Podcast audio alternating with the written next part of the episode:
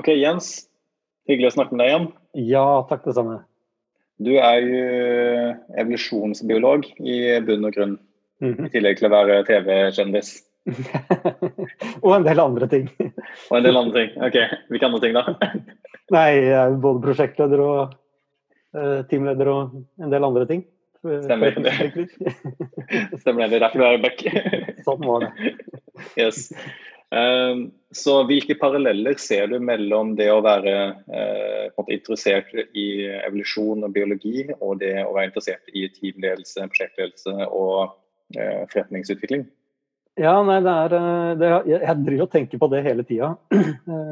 Mye av det har jeg snakket om i en, i en større podkast om evolusjon og innovasjon. Men en ting som har slått meg nå i siste, er alt dette snakket om smidige organisasjoner og smidig organisering. At, at det har jeg egentlig alltid intuitivt forstått. Men det er fordi jeg tenker på det som tilpasningsdyktig. Mm.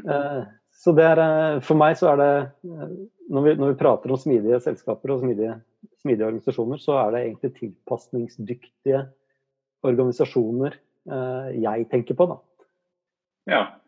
Før vi på en måte graver mer inn i liksom, tilpasningsdyktighet og hva det betyr, hva mener vi egentlig med smidige organisasjoner? Hva legger vi i begrepet smidig?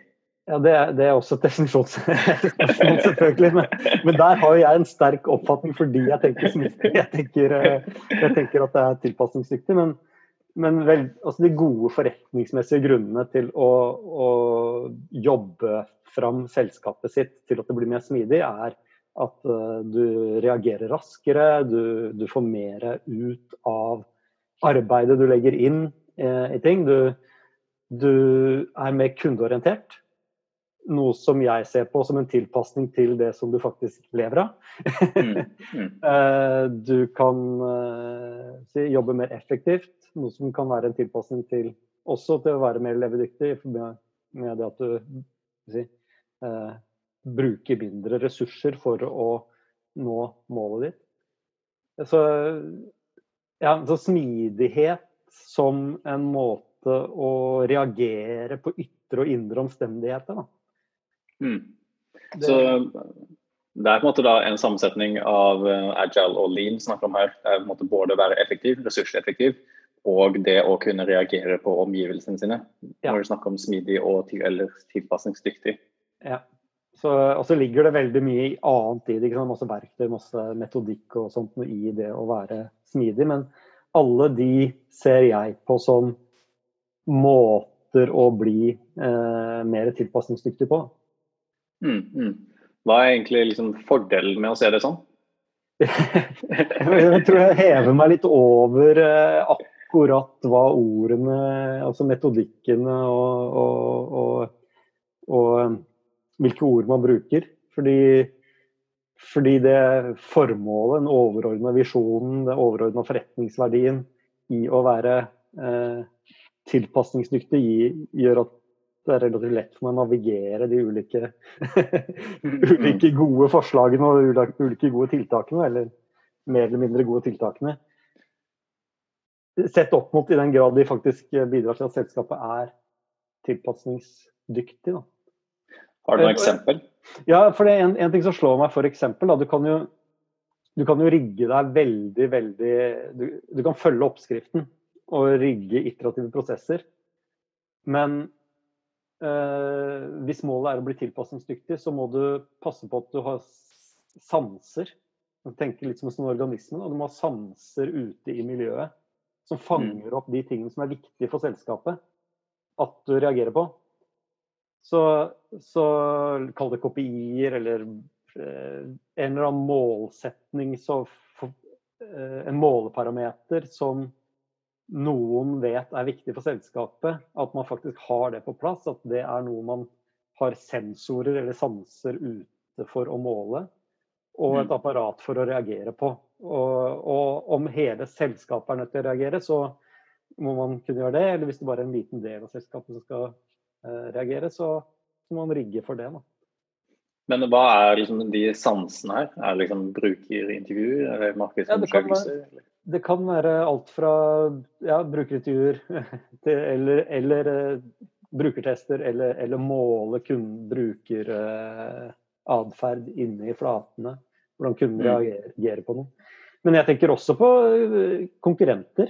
Altså det å følge med på hvilke andre farer Hvilke andre alternativer finnes der ute. At man har sensorer på det også. Og det, jeg, det er et sånt ting som jeg syns mangler. da eh, ofte. At man, eh, at man, ikke måler det, ikke følger med på eh, de, andre, de andre selskapene.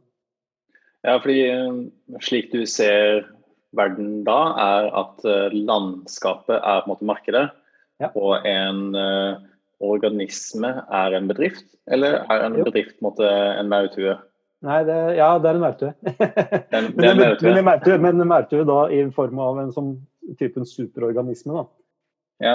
Mm. Så, så, eh, en blanding av et individ og en, eh, en maurtue, kanskje. Og så kjemper man etter de samme ressursene ja. mot noen konkurrenter som er på en måte de andre maurtuene, eller mm. veps osv. Mm. Ja, det er litt sånn. Ja. Og, eh, men du kan også altså Det er her analogien bryter litt sammen også. fordi du kan jo eh, rigge deg til å være si, eh, det, Du kan rigge deg med masse eksperimenter og sånn inn i selskapet for å teste nye markedsmuligheter. og det, Du har ikke noe overførbarhet til individer på den måten der.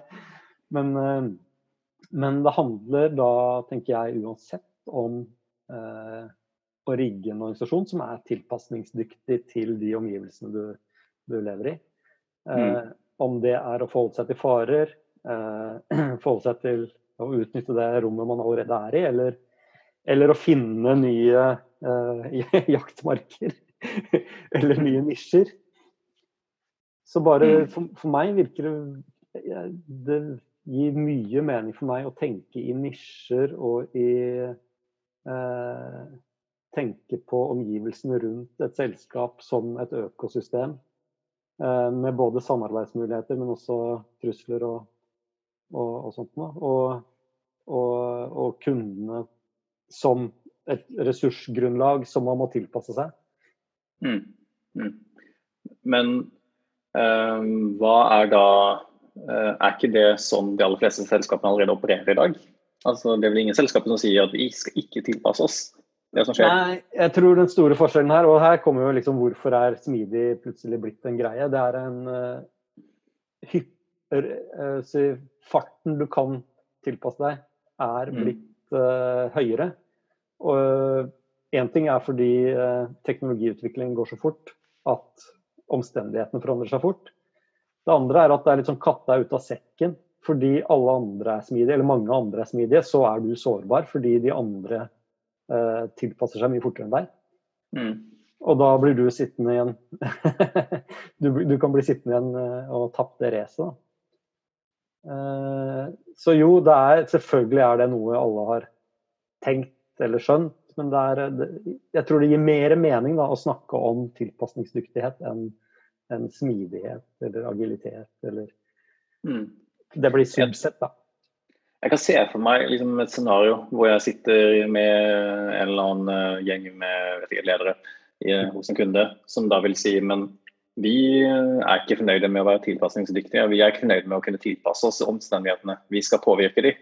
Mm. Ja. Vi skal lage nye landskaper. Ja, og det er riktig. Men ja. du må også tilpasse deg det nye landskapet du, du lager. Så mm. du, du, kan eh, Altså En måte å være tilpasningsdyktig på er å forme landskapet. Det er jo menneskets Det er jo sånn mennesket har bredt seg over hele jordkloden og tatt alle de nisjene. Men det handler allikevel om å være tilpasningsdyktig i de nisjene du da eh, skaper. Mm. Så, eh, og, og, måten Jeg tror kan, kanskje nå det jeg savner mest, er da denne tanken på å ha sanser som man reagerer på. Den feedbacken Eh, og hvor i selskapet er det forankra, eller hvor, hvor, er disse feedback-loopene fra en sans til en reaksjon og til en, til en tilpasning? Ja, ikke sant. Fordi det du snakker om er egentlig ikke liksom, survival of the fittest med tanke på evolusjon, at neste generasjon skal liksom utvikle seg. Det er mer det at vi trenger bedre sanser, og vi trenger å reagere på det vi sanser. Ja, så Det er derfor jeg tenker dette, dette gir mening på individnivå, ikke på artsnivå. da. Ja. Mm. Der, eh, hvor er eh, I hvilke sammenhenger trenger du en refleks sånn som knerefleksen, hvor du bare du sanser en endring, og så reageres det umiddelbart? Og hvilke, eh, hvilke endringer i miljøet rundt bedriften trenger du kanskje Haster ikke så mye å reagere så fort. Mm. Eh, og, men kan kanskje påvirke mye større deler av organisasjonen. Sånn, den type spørsmål og rigging av selskapet tror jeg kan være veldig veldig nyttig. Hvilke forskjellige typer sanser måte, har vi? Fordi vi har jo på en måte de refleksgreiene som bare skjer automatisk, som du sparker i leggen eller sparker i kneet. Og så sparker ja. den greia der. Og så i hvert fall ifølge den uh, Thinking Fast and Slow, så har du på en måte en, sånn, hva det heter, en måte, kort tenking og en måte, lang, dyp tenking. Mm. Er det liksom de kategoriene du tenker sansing? Ja, det er det jeg tenker. Eh, akkurat det jeg tenker. Eh, mm. At uh, uh, hvordan En ting er å ha sansen der ute, at man undersøker, følger med på endringer i markedet, følger med på kundene og konkurrentene og alle de andre ting man typisk gjør, men hva er nervebanene etter det? Mm. Uh, da, spesielt når man er i en sånn litt omorganiseringstid som man er nå, hvor noen jobber mer og mer i team. Organisasjonene blir kanskje mindre eller eh, mer nettverksorganisert. Så er det likevel behov for disse her sansene og nervebanene. Mm. Mm. som et sånn bilde da, på hvordan du skal rigge, rigge deg. Mm. Ja, ok. Ja. Det har vært interessant å snakke mer om senere. Men uh, så det du sier da er vi bør tenke, eller det nytter å tenke mer i form av tilpasningsdyktige organisasjoner enn kanskje bare smidige organisasjoner. Og i den forbindelse tenke da på organisasjoner at, som er sansende og reagerer på sansene. Ja. Mm. Det tror jeg gir mening. OK, all right. Supert. Takk. Takk for praten. Takk for praten.